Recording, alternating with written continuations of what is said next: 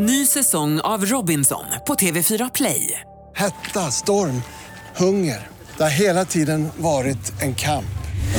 Nu är det blod och tårar. Fan händer just nu. Det. är Detta är inte okej. Robinson 2024, nu fucking kör vi! Streama söndag på TV4 Play. Radio play. Lämna skjutvapnet hemma om du ska begå ett rån. För om du skjuter eller hotar med ett riktigt vapen blir straffet hårdare. Även om du bara råkar skada dig själv. Som i berättelsen om rånartrion som på minst tre sätt bevisar att de är några av de klantigaste vi har stött på här i Misslyckade brott. Välkommen till ännu ett avsnitt. I den fängelsehåla som Radio Play kallar poddstudio sitter Andreas Utterström och Mattias Bergman.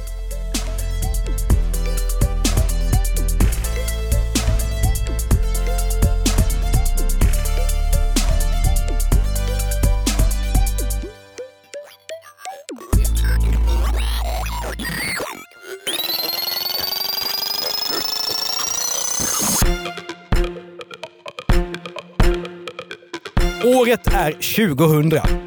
Vindarna viskar mitt namn med Roger Pontare försöker vinna Eurovision Sweden, five points. Points. men kommer in på sjunde plats. Arbetslösheten är över 4% trots att statsminister Göran Persson lovat att den skulle vara lägre. Tre Rembrandt-tavlor stjäls från Nationalmuseum. Och Carola ger en konsert i Betlehem.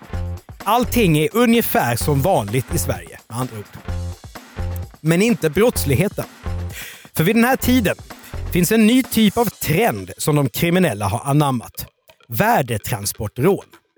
De seglar upp som en ny brottstyp vid sidan om de klassiska post och bankrånen.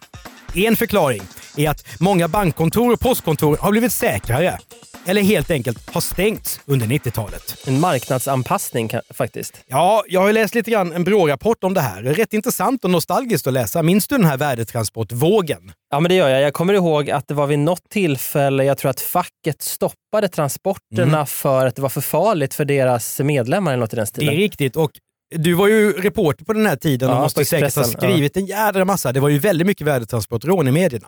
Just det. Det var ju som att det var, man blev nästan lite um, blasé efter ett tag. Det var så här, nu är det ett och nu är det ytterligare ett och ytterligare ett. Det var som att det bara var veckans rån på något sätt. Det är ju lätt att glömma det här vilka trender det går i brott. I synnerhet när vi sitter idag här och pratar om vilken typ av brott som begås idag och Mm. av vilka. Precis, det här var väl dåtidens bitcoin eh, eller liksom eh, Facebook eh, eller något sånt där. Fast, Ja. fast riktat mot, mot företag då förstås. Eller banker. Precis. Ja. För 1995 så begås det ett 20-tal värderån. Fem år senare, 2000 alltså, då toppar det på mer än dubbelt så många. Helt vanliga väktare märks för livet när de försöker sköta sitt jobb och bära sina värdeväskor in i stora skåpbilar. Fordon som ska vara omöjliga att kapa. Men när man går med pengarna från banken till bilen kan man bli rånad. Vilket en manlig väktare får erfara den 11 april år 2000. Centralplan heter den öppna platsen framför Centralstationen i Stockholm. Här tar man taxi, väntar på nära och kära som kommit med tåget eller handlar med varor som man inte borde. Här har förresten också sabbatssabotören Erland härjat och det kan du höra om i ett tidigare avsnitt av Misslyckade brott. Mannen som tillsammans med sina kompisar satte skräck i Stockholm 1946. Ja, precis. Och som sen Han brände ju alltså av 10 kilo dynamit här. Just det, och som sen Mm. hade den mest underbara av alla förklaringar under rättegången. Jag ville ut och röra på mig. Ja, den, det, det minns du. Ja, det minns jag. Ja, sabbatssabotören alltså. Men nu är det alltså april 2000. Och eh, innanför entrén vid Centralplan så har Forex Bank ett kontor. Och där befinner sig väktaren nu med sin värdeväska. Han har varit där och hämtat upp vad som skulle kunna vara en rejäl summa pengar. Klockan är 20 minuter över 10 på förmiddagen och det är ungefär 5-6 grader varmt och blåsigt. Aprilväder. Väktaren är fortfarande inne i centralstationens magnifika hall med väskan när han ser en märklig figur komma mot sig. Det är en man klädd i grå jacka och keps, men han har också tagit på sig en peruk och bär både lösskägg och lös mustasch. Mannen tittar på väktaren och riktar ett svart vapen mot honom. De står alltså ute i den stora hallen nu så att säga. Ja, det finns en förhall mellan Centralplan och själva den stora. Ja just det, idag så finns det ju ett Forex-kontor direkt till Och det vänster. är precis samma sak 2000. Förlåt, jag måste bara ta det här. Jag trodde jag hade stämt. Ja, ingen fara. Hallå? Oh! Aj, aj, aj. Oj, oj, oj. Oj då. Oj, oj, oj. Ja, hej. Mycket drama på kort tid. Ja, nu ska vi se. Var är vi nu? Vi kör från väktaren. Ja. Mannen tittar på väktaren och riktar ett svart vapen mot honom. Väktaren ser genast att det här inte är någon attrapp. Det ska visa sig att det är en tjeckisk CZ Scorpio, en kulsprutepistol. Rånarna har också en rysk Makarov-pistol. Släpp väskan, beordrar den ene rånaren och så kommer snabbt en annan person fram och trycker upp väktaren hårt mot en pelare. Stå still, ryter han. Det måste ju vara en massa vittnen runt omkring här. Oh ja, Ja. det är klart. Så det är inga rånare som är rädda för att bli sedda det här? Svar nej. Nej. Men de är ju också maskerade. En av dem är maskerad. Mm. Men det är också ännu ett värderån i statistiken det här. Och dessutom inne på den folkfyllda centralstationen. De två rånarna skulle kunna förefalla som två iskallt professionella typer. Men det är de inte. Väktaren står med näsan intryckt mot pelaren och ser inte vad som händer. Men nu hör han skott. Fem, sex smällar. Skjuter rånarna mot människor inne i hallen? Det skulle vara ett fruktansvärt dåd. Men nej, de två männen står istället och skjuter på väskan med pengar. Det är nämligen en så kallad säkerhetsväska. Den har en färgpatron i sig som utlöses exakt 102 sekunder efter att väskan har stängts. Då färgas sedlarna för evigt och kan aldrig användas. Alltså måste man öppna väskan innan den här tiden har gått ut. Och nu försöker en av rånarna desperat skjuta upp låset till väskan. Det är lite Jönssonligan i det här. Frans Jägerskåp. Verkligen. Det är dova smällar, för k-pisten har ljuddämpare. Ett vittne ser hur rånaren står bara en halv meter från väskan och bränner av skott rakt emot den. Han är inte klok som skjuter här inne, hinner hon tänka. Skotten skulle kunna studsa mot väggarna, byta bana och skada eller döda människor. Låter inte som att det var så genomtänkt hur man skulle få upp den här väskan. Eller kan det varit så att de inte visste att pengarna skulle ligga i såna här väskor? För att skjuta upp den skulle kanske inte vara det första sättet jag skulle Nej, testa. Nej. Hur, Hur, hur gör man då? Dyrkar man upp det? Eller? Alltså, nu har jag inte begått något sånt här. Nej. Eh, Sådana här väskor används ju idag fortfarande såklart. Eh, jag tror att de är, om de var säkra år 2000 tror jag de är ännu säkrare idag. Det låter inte enkelt. Nej, verkligen inte. Och eh, att skjuta skarpt eh, mitt ibland folk mot en sån här väska, det är också det som gör att, eh, att rånet blir väldigt grovt. Så får man inte göra. Skada någon gör tack och lov inte de här skotten. Men inte heller öppnas väskan. Väktaren släpps fri och det sista han ser av rånarna är deras ryggar när de flyr hals över huvud ut genom stationens entré. Rånet har tagit 20 sekunder. Väskan har rånarna med sig och nu är det rysligt bråttom. Vid Centralplan väntar flyktbilen, en svart Saab 99. Ingen sportbil direkt. Verkligen inte. Nej. När männen kastar sig in i bilen och kör fastnar värdeväskan i bakdörren så snabbt går det. Hittills har det gått sådär för våra rånare. De har inte fått ut några pengar.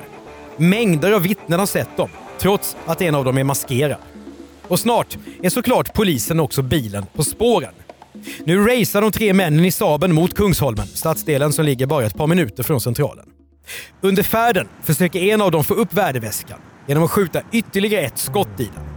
Om det är dumt att skjuta skarpt bland folk in i en tågstation så är det rent fruktansvärt korkat att avfyra en kulsprutepistol inne i en bil. Vilket vi snart ska förstå. Ny säsong av Robinson på TV4 Play. Hetta, storm, hunger. Det har hela tiden varit en kamp. Nu är det blod och tårar. Fan händer just det. Det är detta inte okej. Robinson 2024, nu fucking kör vi! Streama söndag på TV4 Play. Poddtips från Podplay. I podden Något Kaiko garanterar östgötarna Brutti och jag, Davva, dig en stor dos skratt. Där följer jag pladask för köttätandet igen. Man är lite som en jävla vampyr. Man har fått lite blodsmak och då måste man ha mer. Udda spaningar, fängslande anekdoter och en och annan arg rant. Jag måste ha mitt kaffe på morgonen för annars är jag ingen trevlig människa. Då är du ingen trevlig människa, punkt. Något Kaiko, hör du på Podplay. Därför är Tänk en gammal Saab, fylld av adrenalin, besvikelse och desperation. De två rånarna och medhjälparen som kör flyktbilen har misslyckats med att få några pengar. Nu gäller det att komma undan polisen. Dessutom har en annan sak inträffat. Mannen som har försökt skjuta upp väskan sittande i baksätet på bilen har lärt sig en läxa. Skottet har nämligen studsat i det trånga utrymmet och gått rätt in i vänster sida på en av rånarna. Nu sitter en 7,65 mm kula nere vid bäckenet på honom. Han skjuter alltså sig själv? Eh, Det vet vi inte. Det är inte klarlagt i domen. En av rånarna skjuter och en av rånarna blir skadad. Men Ah. vi vet inte om det är samma. Jag förstår. Men det är det- nästan ännu bättre om han skjuter någon annan. Men att, eh, det är ju en rikoschett. Att skjuta in i en bil. Dumt. Inte bra. Nej, det kan vi avråda ifrån tycker jag. Det hade ju faktiskt varit bättre då. Men jag fattar inte riktigt. Är pengarna är färgade redan vid det här laget? För det måste ha gått längre än 102 sekunder vid det här. Alltså, rånet tar ju 20 sek. Så det är väl precis på gränsen skulle man kunna tro. Men de har såklart ingen aning om var den här tidsgränsen går kan man ana. För då hade de kanske lagt ner det här rånet från början. Förhoppningsvis. Ja. Eh, Jag tror inte att de vet att det är 102 sekunder. Väskan ska bara upp nu. Väskan ska upp alltså. Ja. De är desperata. Fort går det. De ska till Kungsholmen. Nej, men det här var ju inte bra. En missräkning till. Väl över på Kungsholmen kastar männen ut värdeväskan. Det enda de kan göra nu är att rädda sig själva. Men det är inte så lätt. Det finns nämligen oväntat mycket poliser ute på gatorna i Stockholm just den här dagen. Frankrikes president Jacques Chirac är på statsbesök och polisinsatsen är extra stor. Det är alltså en dum dag att begå spektakulära rån i innerstan.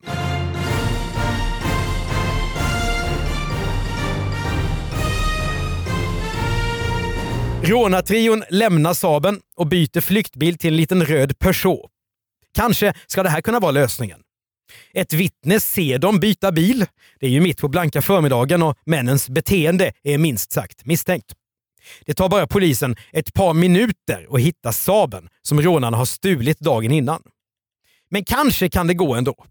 Den oansenliga person kör ett par kvarter in på Kungsholmen mot Kungsholmsgatan. För där bor nämligen en av de tre männen.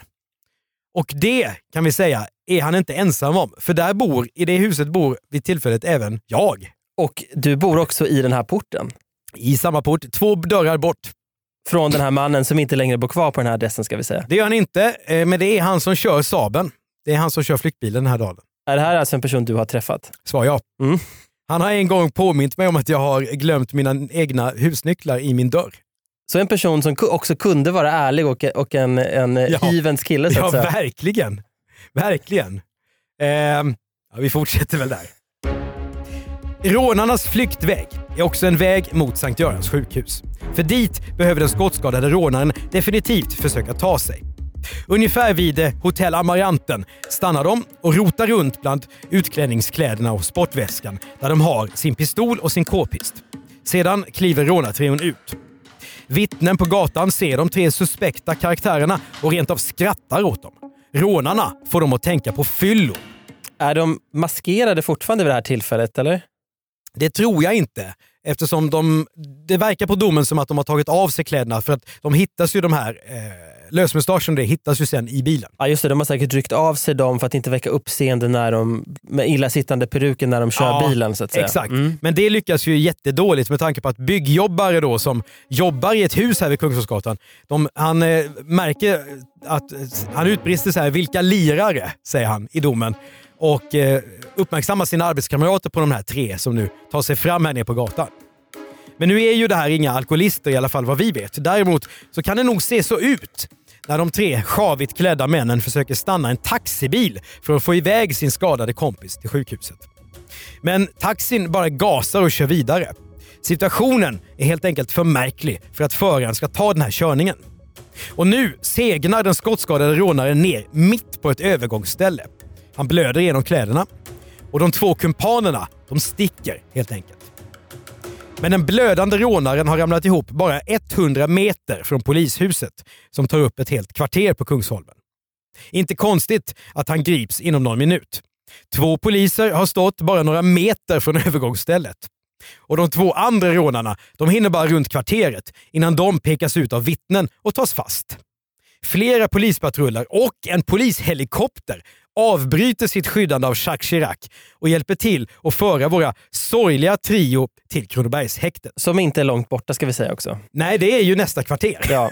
Så att de, eh, vi vet ju inte riktigt vad de skulle göra här. De är ju desperata. Men man kan ju tänka sig att de kanske skulle upp i då mitt hus Ja, och gömma sig. Precis. Och det huset ligger då precis vid polishäcken, som skurkar brukar säga. Ja. Men frågan är om vi ska zooma ut lite grann här. Är det här det klantigaste rånet som vi har haft? Ja, men det finns ju lite olika fallgropar som, som eh, gärningsmännen i våra avsnitt brukar falla i. Det ena är att de har eh, överplanerat. Mm. Eh, de har fastnat i detaljer eller att de omger sig med fel personer. Eh, eller att de inte har planerat alls. Mm. Här, verk, här har de ju åtminstone gjort research om var pengarna finns. Men sen har de ju inte förstått hur pengarna hanteras. De har ju i och för sig en, alt, en de byter ju flyktbil, så det har de tänkt på. Men de har ju inte kollat om det händer något speciellt det här datumet, för nu råkar ju stan vara full av poliser. Klockan är ju alltså 10.20 på förmiddagen Ja. i april. Alltså det är ju dagsljus. Ja, Det är mycket som är märkligt här. De får, inte, de får inga pengar. En skjuter sig själv. Eller någon annan. Mm. Det är, de gör det på fel dag. Och de råkar bo på fel adress också. Och hur pass kriminella är de? Ja, en av personerna, han som kör flyktbilen, eh, han är tidigare dömd för bland annat narkotikabrott. Grovt dessutom. Så att det, det, det finns domar. De andra säger att de är dömda i sina hemländer men bara för, för småbrott och långt tillbaka. Så det är en, en, den här trion är ju lite random som man säger idag. Ja, det är, det är ett litet frilansgäng som har satts ihop här. Definitivt. Fast inte riktigt Oceans Eleven. Nej, det kan man väl inte säga. I alla fall inte den meningen att Oceans Eleven lyckades väl få ut pengarna. Ja, man undrar vad polisen tänkte om det här. Ja, kriminalkommissarie Bo Vide som är en legendarisk polis får man väl säga. Ja, och en person som jag, han är tyvärr död nu, men kände ganska väl för han var nämligen med i en annan podd som jag gjorde som heter Mordutredarna som Mm. experter. Men han var en slags Martin Beck-figur under sin karriär kan man säga. Ja, kriminalkommissarie Bo Vide säger till tidningen Expressen. Det verkar som att det handlar om väldigt amatörmässiga rånare. Det är är någonting som... Han var ju inte som mediemänniska, Bosse Vide. Han skulle nog inte säga sådär om det verkligen var intrycket. Nej, och det är väl rätt uppenbart att eh, det var det. Ja. Att de inte var något proffs. Nu är de alltså gripna och så blir det rättssak. Som alltid. Och vi får veta lite mer om den här udda trion. En av dem bor alltså på Kungsholmsgatan, det är då min granne. och de andra två, de har kommit inflygande från Polen sex dagar före rånet mot väktaren. Och de kan då bindas till den här tredje mannen. Och hur vet vi det då? Jo, för de har betett sig konstigt så att en tulltjänsteman på Arlanda flygplats har lagt märke till dem redan då sex dagar före rånet bland alla hundratals resenärer. Eller tusentals till och med, borde det vara. Ja, dagtid ja. Ja. Och den här tulltjänstemannen har också sett att de tre männen har åkt från terminalen i just en röd Peugeot. Tullaren har lagt märke till registreringsnumret och inte så smart alltså att ses i sin egen flyktbil på det sättet. Man undrar vad de har gjort. De måste ha uppträtt extremt eh, nervöst. Ja. För man ska ju bara gå från bagagebandet ut och Ja. sticka iväg. Det är ju ingen lång sträcka man ska hålla ihop. Frågan är om de hade väldigt konstig gångstil. De var väl helt enkelt eh, uppstressade, antar jag. Oklart. Det är sex dagar före rånet ändå. Så att... Ja. Sen har vi en fjärde person inblandad också. Det är en man som säger att han har varit inneboende hos grannen på Kungsholmsgatan. Den röda person tillhör hans fru. Och han har ingen aning om de här rånplanerna, säger han. Utan den här råndagen, då är det tänkt att han ska sälja sin Peugeot, eller sin frus Peugeot då, till en man som han säger heter Micke. Det här kommer från domen, så han säger det här i rätten. Men när hans hyresvärd, alltså min granne, försvinner och bilen är borta så har den fjärde mannen blivit orolig. Han ringer polisen och undrar vad som har hänt. Polisen anhåller till slut den fjärde mannen också och misstänker honom för medhjälp till rånet. Han står ju för bilen.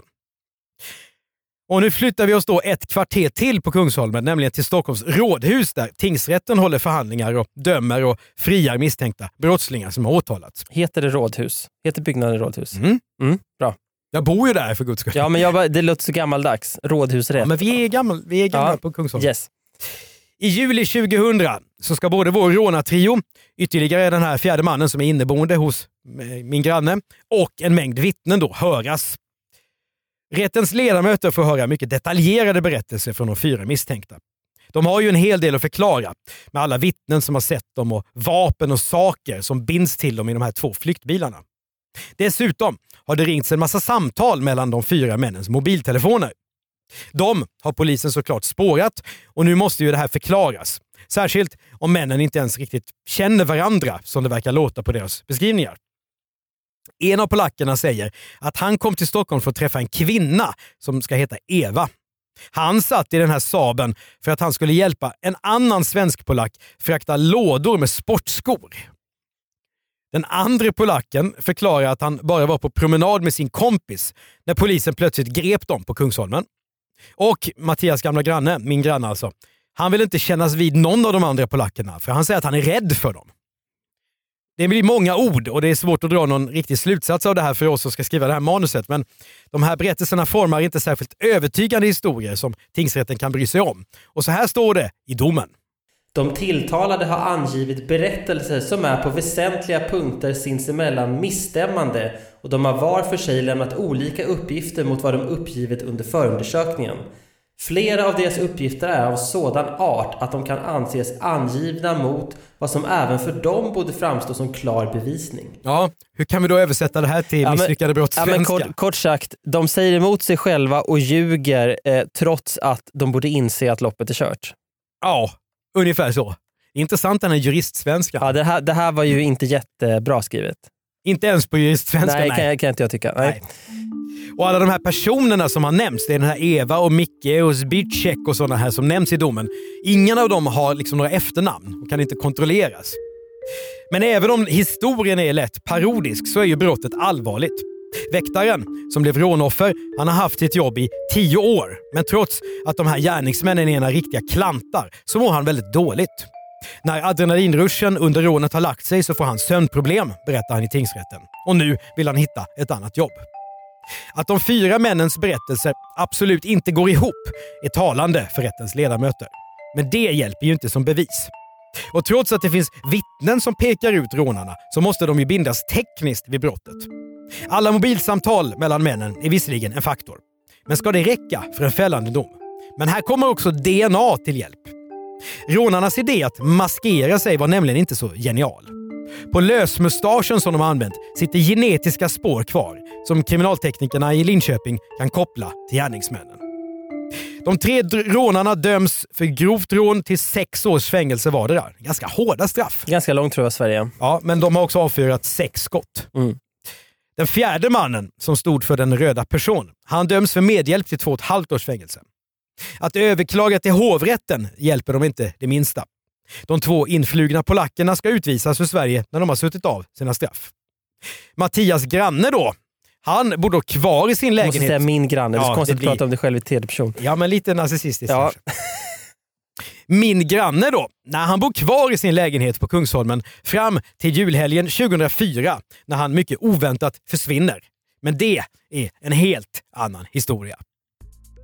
Du har hört ett avsnitt av Misslyckade brott, en podcast från Radio Play av Andreas Utterström och Mattias Bergman, som också gör Misslyckade affärer och Jag var där för Radio Play.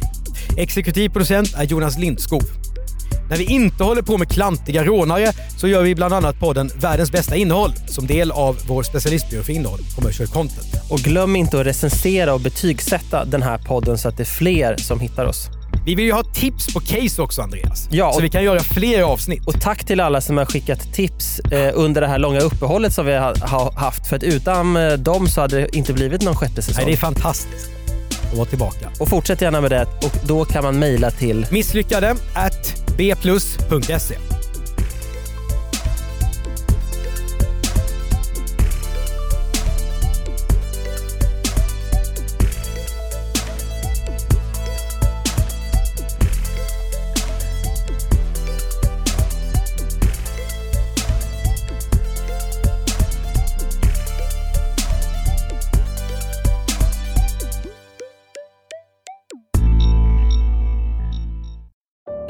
säsong av Robinson på TV4 Play.